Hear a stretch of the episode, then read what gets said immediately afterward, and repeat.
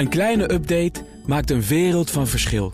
Daarom biedt IKEA voor Business Netwerk gratis snelle interieurtips en ideeën. Word gratis lid en laat je werkplek voor je werken. IKEA, een wereld aan ideeën. Ondernemerspanel. Ondernemers met een coronaschuld kregen deze week een onaangename brief van de Belastingdienst op de mat. En moet Nederland een belastingparadijs worden voor groene bedrijven? Dat en meer bespreek ik in het Ondernemerspanel. En daarin zitten Leen Zevenbergen, oprichter van B Corp Europe, partner bij Bain Management Consulting en Walnotenboer. En Geert-Jan van der Snoek, directeur bij Brains Networks. Goed dat jullie er zijn. Welkom beiden. Uh, jij hebt iets uitgesproken, Geert-Jan. Ja, jij ook. Uh, ik ook. Hè? Ja, bedoel, we zitten ontzettend jij bak. Het, uh, ja, maar wat heb jij gedaan? De elleboog uit de kom. Elleboog uit de kom. Ai. Doet het nog pijn? Nee, soms. Maar, okay. Nou, dit, dit half uurtje dat gaan we gewoon pijnvrij doorstaan. Laten we beginnen met jullie eigen nieuws. En nu je toch al aan het woord bent geweest, wat is het? Het nieuws van mij was, uh, gisteren is de uitspraak geweest uh, in zaken vattenval in de consumentenmarkt is dat, dat de prijsverhoging niet op de juiste manier gecommuniceerd was in april. En dat de rechter daarmee bepaalde dat die prijsverhoging daarmee nietig was. Interessant wat daar gaat gebeuren, want daar zal beroep gaan volgen. Dit is de consumentenmarkt, maar dit zal Geldt ook voor wel... één klant, hè? want dat is van belang. Eén iemand heeft dit aanhanger gemaakt. Eén iemand heeft in principe aanhanger gemaakt, maar het geldt wel in principale. En uh, de, de interessant is hoe ver het dan gaat, want ook voor ondernemers gaat het straks dan gelden. Dus de, op die manier uh, denk, denk ik dat er kansen zijn. En het zal in ieder geval discussie gaan geven uh, hoe dat verder uitpakt. Het gaat over twee dingen volgens mij inderdaad. Ze hebben het te laat aangegeven. Ze hebben ook vaker dan die twee keer die afgesproken is in het contract... Uh, de prijzen verhoogd. Er gaat hier ondertussen ook nog een telefoon af... en er zit ook nog een arm in de mitella. Het is allemaal ingewikkeld, zeg. Um, maar Vattenval zegt, ja, we hebben inderdaad die prijs aanzienlijk verhoogd. Twee keer zelfs. Maar ja, overmacht de oorlog in Oekraïne konden wij ook niet weten. Dus dan staat het ons vrij om dat te doen. Ja, maar de, de uitspraak zoals die nu staat... is dat er, er twee elementen in zitten. Eén, uh, mag je één of uh, twee keer uh, verhogen. Als je zegt twee keer, dan is het in principe twee keer tenzij. Het tweede element wat is gebracht is... als je dan zo'n verhoging extra doorvoert... moet je een behoorlijke tijd nemen. En dat is gelijk aan wat eind september de ACM ook heeft geconstateerd. Die zeggen 30 dagen minimaal. Ja. En die moeten kans hebben om over te stappen. En dat speelt in de consumentenmarkt, maar zeker in de zakelijke markt heb je nog iets meer tijd nodig. Dus jij verwacht dat ondernemers nu hun kans schoon zien? Er zijn initiatieven om te kijken hoe je dit kan gaan groeperen aan de ondernemerszijde. Om ook hier uh, dit punt aan te gaan haken. Slim, Leen? Ja. Als die juridische oh ja, mogelijkheid. Oh, je begint geïnteresseerd te luisteren. ja, ik, heb, ik ben heel geïnteresseerd. Ik heb nauwelijks tijd gehad om het uh, nieuws te lezen de afgelopen weken. Dat, is, dat heeft met mijn nieuws ook oh. oh, nou wat is jouw nieuws? Ja, mijn nieuws is dat ik geen tijd heb gehad om het nieuws te lezen. En dat, ik, en dat komt omdat ik eigenlijk uh, 24 uur per dag, 7 dagen de week bezig ben. Al maanden om uh, op 11 en 12 mei. 1400 ondernemers uit de hele wereld naar Amsterdam te halen. Uh, die daar met elkaar uh, zaken gaan doen, business gaan doen op een uh, manier waar de wereld wat mee opschiet. En dat is, ja, daar ben ik vol passie en en energie en, mee bezig. Je, ik herinner me dat jij hier ook een keer stond en toen was de klimaattop bezig in Egypte. Ja, ja. Daar was je eigenlijk best wel cynisch over geworden. Ja. Schoot, niet, schoot niet op. Ja. En uiteindelijk is er dan een akkoordje gesloten, maar vraag niet wat erin staat, was allemaal veel te weinig. Denk je dat ondernemers, die jij dan allemaal bij elkaar brengt, tot heel veel beters in staat? Ja, dat, dat denk ik heel zeker. Dat punt 1, dat zou ik het niet doen natuurlijk. Maar omdat ik dat ervaren heb ook in Rome, waar we afgelopen jaar 600 ondernemers hadden. En um, ik ben heel erg van mening dat uh, ondernemers, want bij uh, die klimaattop zaten veel politici en ook veel tweederangse, ja, waarvan je dat mag zeggen, politici, die het niet echt voor het zeggen hadden. En ondernemers, business decision makers die een eigen bedrijf hebben, die het voor het zeggen hebben, die kunnen met elkaar deals maken en die kunnen echt bewegen. Dat noemen ze de changemakers. Niet voor niks ondernemers. En die zien business. En uh, er is zo gigantisch veel business te doen. Maar, maar, maar he, hebben die ondernemers, en daar komen we later nog over te spreken, de politiek ook niet nodig om bepaalde zaken juist aantrekkelijk te maken? Om nee, dat denk ik oh, niet. dat hebben ze niet nodig. Ja, nee, daar, daar ben ik met nodig. Leen eens. Ik denk ja. dat, dat ze juist het, het, gemak hebben, zeker waar het, als het zeg maar, ondernemers zijn en eigenaren, dat ze kunnen besluiten om het simpelweg te gaan doen. En ja. ik denk dat dat doen dan net hetgene is wat moet gebeuren. Ja, en ik denk dat dat de politiek weer beïnvloedt om misschien daarna bewegingen te gaan maken die uh, dat uh, op een breder front faciliteren. Dus we nodigen wel wat politici uit in Amsterdam, maar niet zo heel veel. En wie, wie zijn dat dan, hè? die 1400 ondernemers? Hebben die allemaal al het licht gezien? Of moet je juist zorgen dat de mensen die nog een hele weg te gaan hebben, daar ook zijn? Ja, beide. En dat, uh, want als we praten met mensen die allemaal het licht hebben gezien, dan wordt het een soort inteeltachtige bijeenkomst van hoe goed zijn we met z'n allen.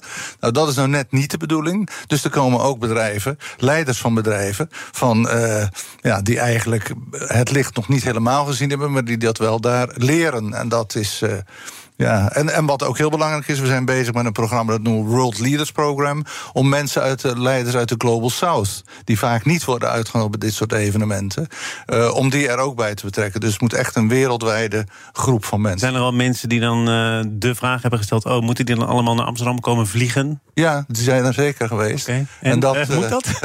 en dat hoeft dus niet. Oh, je kan ook online volgen. Okay. Maar als je echt zaken wil doen, en dat hoef ik denk ik niet uit te leggen aan mensen die bedrijven hebben of bedrijven leiden dan is het uh, op zijn minst één keer wel handig als je elkaar ziet, uh, om lijfelijk. En we werken samen een hele leuke organisatie, die heet Goodwings. En die probeert in ieder geval zijn best te doen om zo min mogelijk te vliegen en afstand gevlogen wordt, om dat te compenseren. Wat we gaan uh, naar een brief van de Belastingdienst. Alle ondernemers met een coronaschuld kregen deze week een aanmaningsbrief van de fiscus, ongeacht of het bedrijf wel of niet keurig die schuld aflost, of misschien zelfs al helemaal geen schuld heeft. Daarover berichtte het FD afgelopen week. Uh, heb jij er een gehad, Geert-Jan? Nee. Heb jij er een gehad? Ik had alles al afgelost. alles dus al ook afgelost. niet gehad. Oké. Maar het geeft wel iets aan. Misschien weer dat, dat uh, uh, mijn vrees dat er bij de Belastingdienst uh, veel nog niet onder controle is. Wordt hier uh, wel mee bevestigd. En dat maakt, mij, dat maakt me veel grotere zorgen over dan die effecten van die individuele brieven eigenlijk. Want jij, is dit inderdaad bijna een symptoom van een groter verschijnsel, namelijk ICT-systemen bij de overheid? Nee, ik denk dat het niets met ICT-systemen te maken oh. heeft. Daar schuilt nu iedereen zo achter. Maar als zo'n briefje eruit gaat, en dit is een, een, een simpel, relatief simpel briefje, waar uh, beslist 7, 8, 9 mensen en verschillende afdelingen naar kijken. Niet in de laatste plaats uh, marketing en communicatie. Uh, woordvoering, iedereen zal er naar gekeken hebben. En die hele trein van mensen die dat gewoon bekijken, die uh, kunnen zich blijkbaar niet verplaatsen in wat er feitelijk bij wie die brief neerkomt en wat dat betekent. Het is, wordt gewoon eruit gezet. En daar zit ergens de fout. Dus ik denk dat dit niet een IT-fout is, maar dat het uiteindelijk gewoon een men, mensen een belevenis hebben van wat er gebeurt met zo'n brief. Dat daar maar we gaan toch nog even luisteren naar uh, wat FD-journalist Laurens Berendsen erover zei. Uh, die had het wel over ICT-problemen bij mijn collega Bas van Werven eerder deze week. Uh, nou ja, het is al een langer bekend probleem dat de fiscus veel problemen heeft met de ICT.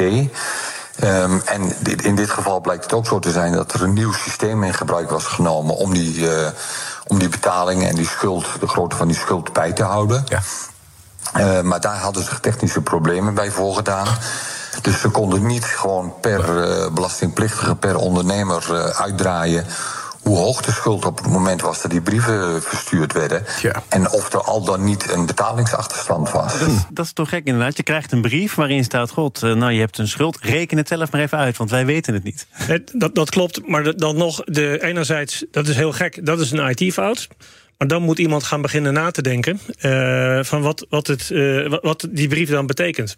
Als daar ook inderdaad op een of andere manier een automatisch gegenereerd briefje uitgaat en die wordt dan naar duizenden ondernemers gestuurd.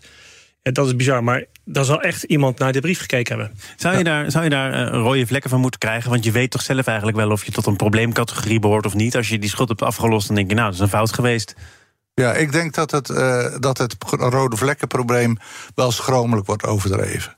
En dat uh, het, het, even denk je misschien van, uh, ja, kunnen ze er nou geen bedrag in zetten? Of punt twee, beetje het bedrag zelf ook. Punt drie, zijn er al eerder brieven geweest? Tenminste, ik heb wel brieven ontvangen waarin stond: dit is uw schuld, dit moet u betalen, u mag er zo lang over doen. En dan kan je het of nu aflossen of later aflossen. Dus als je een beetje ondernemer bent, dan heb je dat soort bedragen wel in je hoofd zitten. En dan denk je van zo'n brief, ja, waarom staat er niks in? Of verdorie, ik ben toch al aan het aflossen. Dat kan je dan wel even maar denken. Zegt hier, er hebben zeven, acht, negen mensen naar gekeken, verschillende afdelingen, en dan toch zo'n Nou brief sturen. Dat is zeker. eigenlijk wel. Ja, nou dat, is, dat, is een, dat vind ik dan ook. Ik had overigens nog niet zo gezien vanuit die oogpunt. Ik had zat echt naar de IT te kijken en de problemen die ze blijkbaar hebben om systemen aan elkaar te koppelen met zo'n brief. Maar uh, ja, de, het is een onverstandige brief. Ben ik helemaal met je eens. Maar ik denk dat we, de, de, dat we niet moeten overdrijven wat voor een effect dat nou op mensen En dus wel degelijk ook een oorsprong in die ingewikkelde IT van de Belastingdienst. Ja, nou, ik denk het wel. Ik, dat, ik denk het wel, maar het is uh, en slordig mee omgegaan. Ja, het is de combinatie. En ik ben het met alleen eens. Ik denk dat uiteindelijk heb je ook een eigen verantwoordelijkheid als ondernemer. Het is vrijheid, blijheid, wat sommige ondernemers zeggen. Maar daar komt dan ook bij een verplichting dat je dit soort dingen gewoon op orde hebt. Uh, de corvée haast. En aan de andere kant, uh, als dit soort problemen in de IT zitten, wees er dan gewoon open in. Zeg dan gewoon in een briefje: jongens, we, we kunnen niet helemaal zien, maar weet dat dit speelt. En uh, bel daar en daar, en maar wees dan ook bereikbaar op die telefoon. En dan is het opgelost. In een normaal commercieel bedrijf doe je dat, want je wil je mensen graag om je heen houden. We gaan naar deel 2 van dit panel. BNR Nieuwsradio. Zaken doen. Thomas van Zeil. Het ondernemerspanel is de gast, bestaande uit Geert-Jan van der Snoek en Leen Zevenbergen. Nederland zou een belastingparadijs moeten zijn voor duurzame en inclusieve bedrijven, stelt Mark Damman in een opiniestuk in de Volkskrant. En Mark Damman is betrokken bij de Stichting Stadsgarage. Dat is een innovatiecentrum voor sociaal ondernemerschap. En hij vindt dat de nadruk moet komen te liggen op het belonen in plaats van op het bestraffen. En je zou het kunnen lezen, Geert-Jan, als een reactie op die wet rondom eh, internationaal verantwoord ondernemen. Waarin dan toch, als je goed zoekt, staat van als je niet dit, dan dat. Nee, zegt Damman, je moet het omdraaien. Ben je het met hem eens? Ik ben het met je eens dat uh, het, uh, alleen maar met bestraffen uh, werkt niet. Iedereen vindt daar de, de randjes wel weer van het speelveld. En dan gaat iedereen juist de, de, de negatieve teneur zoeken. Hoe ver kan ik gaan dat ik net niet bestraft ga worden? En ik denk dat je het fundamenteel moet omdraaien, omdat het hele verduurzamen moet niet iets zijn wat een verplichting is, maar je moet het intrinsiek erin willen brengen, omdat het beter is uiteindelijk voor je bedrijf, je economie en je medewerkers. Intrinsiek is hier dus, je krijgt een fiscaal voordeeltje op het moment dat je het goede doet. Het kan een fiscaal voordeel zijn. Maar dat intrinsiek is, maar. Nee, maar kan, je kan een waaier van, van voordelen bedenken. Er wordt hier helemaal ingefocust dat het alleen maar belastingvoordeel hoeft te zijn, een fiscaal voordeel. Maar er zijn meerdere voordelen denkbaar uh, die je kan doen. Een, een voorbeeld is uh, uit mijn eigen praktijk. Je kan uh, op het moment dat je aan duurzaamheidseisen voldoet bij aanbestedingen bijvoorbeeld een, een, op een aantal vlakken een voorrangspositie krijgen. Ja, gebeurt de volgens mij al hè? Op, op verschillende vlakken, nee, toch? Nee. Oh, niet? Nee, nee dit, het zit vaak helemaal niet in aanbestedingen. Het staat er gewoon niet in. Wat ik jij, Lene, hè? Bedoel, jij bent hier de schrijver van een boek over uh, duurzaamheid. De duurzame dominee. Hmm. Uh, dominee van de duurzaamheid is het, om correct te zijn. Uh, dit is een, een voorstel om dat toch weer een impuls te geven op een andere manier. Ja, nou ja, ik ben het. Ja, ik kan. Wat moet ik aanvullen op wat jij net zei? Uh, ik, vind dit natuurlijk geweldig. Ik denk ook dat het niet alleen op belasting moet zitten. Maar de hele, als je de hele discussie over duurzaamheid moet je eigenlijk punt 1 zo, holistisch zien. Dus je moet naar alle aspecten kijken en niet naar enkele elementen erin. En en die moet uit een soort negatieve kostensfeer worden getrokken. En dat is. En daar zijn heel veel middelen voor, wat jij net ook zei.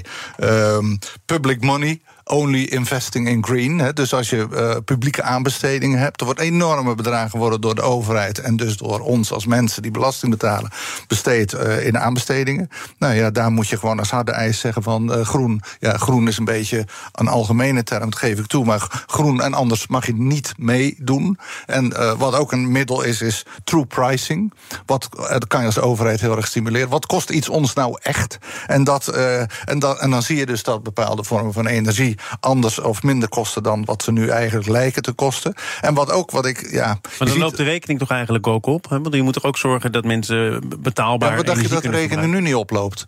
Dat we, we hebben nu een rekening die we komen, de komende generaties mee gaan opzadelen, die enorm oploopt. We zien hem niet, dat noemen we externalities. En die externalities die zijn hidden. Dat zijn, je hebt negatieve externalities en positieve.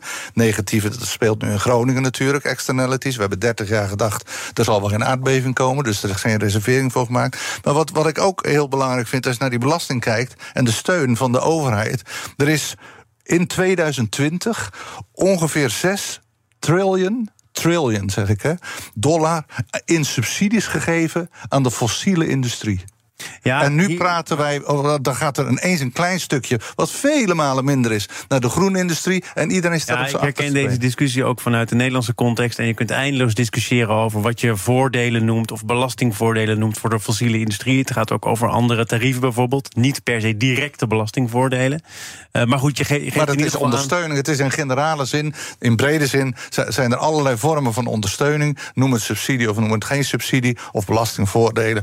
En dat, uh, maar ik denk dat de, de, tendens die hier nu is, van we gaan uh, alles wat goed is voor de wereld, uh, gaan we nu steunen en in een positief daglicht stellen, vind ik natuurlijk een geweldig. Ja, ja, ja, ik denk dat het, het, het fiscale instrument wordt al lang gebruikt in dit verhaal. Dus als je naar de windpark op zee kijkt.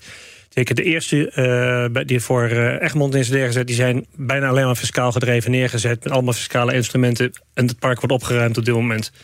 Ik denk dat uh, sommige fiscale maatregelen juist ook voor MKB Nederland uh, bereikbaar maken. Want als je daar daadwerkelijk kan gaan vergroenen en verduurzamen, is dat veel krachtiger dan alleen maar die grootbedrijven. En ik denk dat daar die stimuleringsmiddelen, uh, en fiscaliteit is er dan een van in de holistische aanpak die Leen net benoemt, dat kan wezenlijk helpen. Want dan krijg je wat je net zei, dat de ondernemers zelf die de keuzes kunnen maken, het echt gaan doen.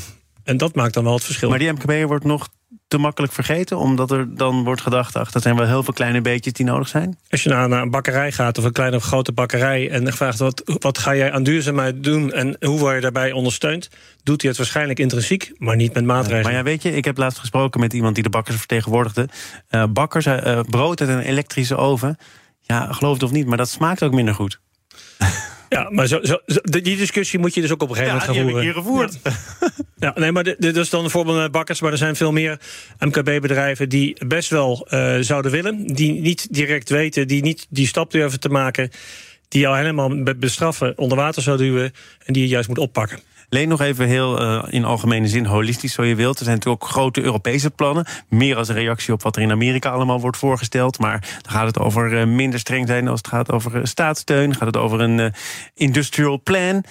En dan valt op dat Nederland niet per se alleen maar staat te juichen. Sterker nog, wat meer in de contramine is... van er is al geld zat en die staatssteun allemaal maar overboord gooien zien wij niet zo zitten. Begrijp jij dat? Nee, dat begrijp ik niet. Ik ben ook niet zo'n fan van uh, het kabinet uh, wat er op dit moment zit. Ik vind dat uh, al kabinettenlang een enorm gebrek is aan visie. En dat de visie moet je naar de oogarts. Dat vind ik ook zo'n achterlijke opmerking. Maar goed, het is een, er is geen visie. En er is ook geen verhaal op lange termijn naar mensen toe. En ik denk dat, ja, ik ben het bedrijfsleven gewend. Als je een bedrijf leidt, dat is onmogelijk als je geen verhaal hebt naar de toekomst toe. Als je geen visie hebt, dan kan je geen bedrijf leiden, ook geen land. En wat, wij, wat ik denk dat Nederland op dat gebied, niet op alle gebieden, want ik denk dat we ook goede dingen doen in Nederland, maar op dat gebied blijven we wel een beetje achter. En ik kan me ook niet voorstellen dat wij, ja, er wordt natuurlijk een beetje door een liberaal kabinet gezegd van de, de, de overheidsinmenging moet minder. Uh, ik denk dat die een klein beetje terug moet keren, want als je natuurlijk alle overheidsinmenging de afgelopen jaren wegsnijdt, dan blijft er. Nou, er was wat overheidsinmenging toch de afgelopen coronajaren, om maar iets te noemen? Ja, ook het ondersteunen corona, van de economie. Coronagebied. Maar dat is dat je, zou eigenlijk hopen dat die inmenging ook eens een keer komt op het gebied van hoe creëren we een wereld die een beetje duurzamer is en langer meegaat. De, over de smaak van brood gesproken. Die kan je natuurlijk zeggen van willen we nou deze generatie een goede smaak van brood geven? Of willen we de volgende generaties een beetje een gezond leven geven. Nou, en dat, dan kiezen wij voor de volgende generatie. En niet voor de smaak om, om, om toch alleen iets van, van, van, van pushback te geven. Ik denk dat dit thema zich eigenlijk niet leent voor een een standpuntendebat in, uh, in een kamer, links of rechts, midden of iets dergelijks. Ik denk dat het ju juist buiten moet blijven omdat ik denk dat het een generiek thema moet zijn. En uh, anders wordt het een, een, een gepolariseerd landschap. En dat hebben we al genoeg in Nederland. En dan komt er dus helemaal niks meer. Dan staat de zaak stil. En ik denk dat we moeten zorgen dat we die thematieken eruit weten te pakken... die voor iedereen uh, te behappen zijn, ook politiek. En dan kunnen we het verder brengen. Tot slot naar twee mensen die misschien wel met elkaar moeten gaan knokken. Namelijk Elon Musk en eh, Jack Dorsey, de voormalige topman... en medeoprichter van Twitter, is met een alternatief gekomen... voor Twitter, Blue Sky. Uh, en dat is al uh, beschikbaar voor een uh, select groepje testers. En ook daarvoor geldt in algemene zin... hoe is het eigenlijk om... ja, eh, te vertrekken bij eh, Twitter, bij het ene bedrijf... en dan met het andere bedrijf je oude liefde aan te vallen. Heb je het wel eens gedaan? Nee, maar ik denk dat de wereld aan het veranderen is. Ik denk dat je met dit soort snelle technologieën en digitale technologieën... Uh, het een utopie is om te denken dat, dat je daar concurrentiebedingen en dergelijke op kan zetten... en of ze, of ze juridisch houden. Er is aan Blue Sky gewerkt, blijkbaar nog onder de hoede van Twitter. Ja, ik ben een keer in uh, Silicon Valley in de groep tegengekomen met ex-Netflix-medewerkers. die ook volledig uh, operationeel waren binnen een maand. En het gekke is in Amerika, over het algemeen, even los van wat er geschreven wordt, hechten ze daar niet zoveel aan. Dan moet je beide moet je maar zorgen dat je sneller bent. Het oude bedrijf moet blijven ontwikkelen.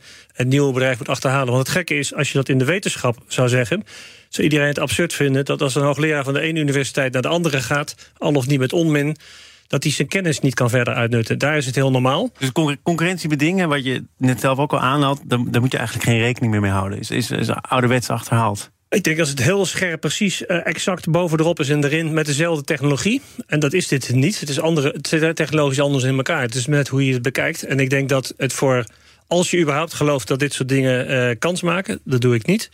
Uh, ja, maar het is technologisch anders in elkaar. Het is decentraal, dat is dan uh, unique selling point. Echt onderscheiden ten opzichte van Twitter. Maar voor de rest kun je er berichtjes tikken.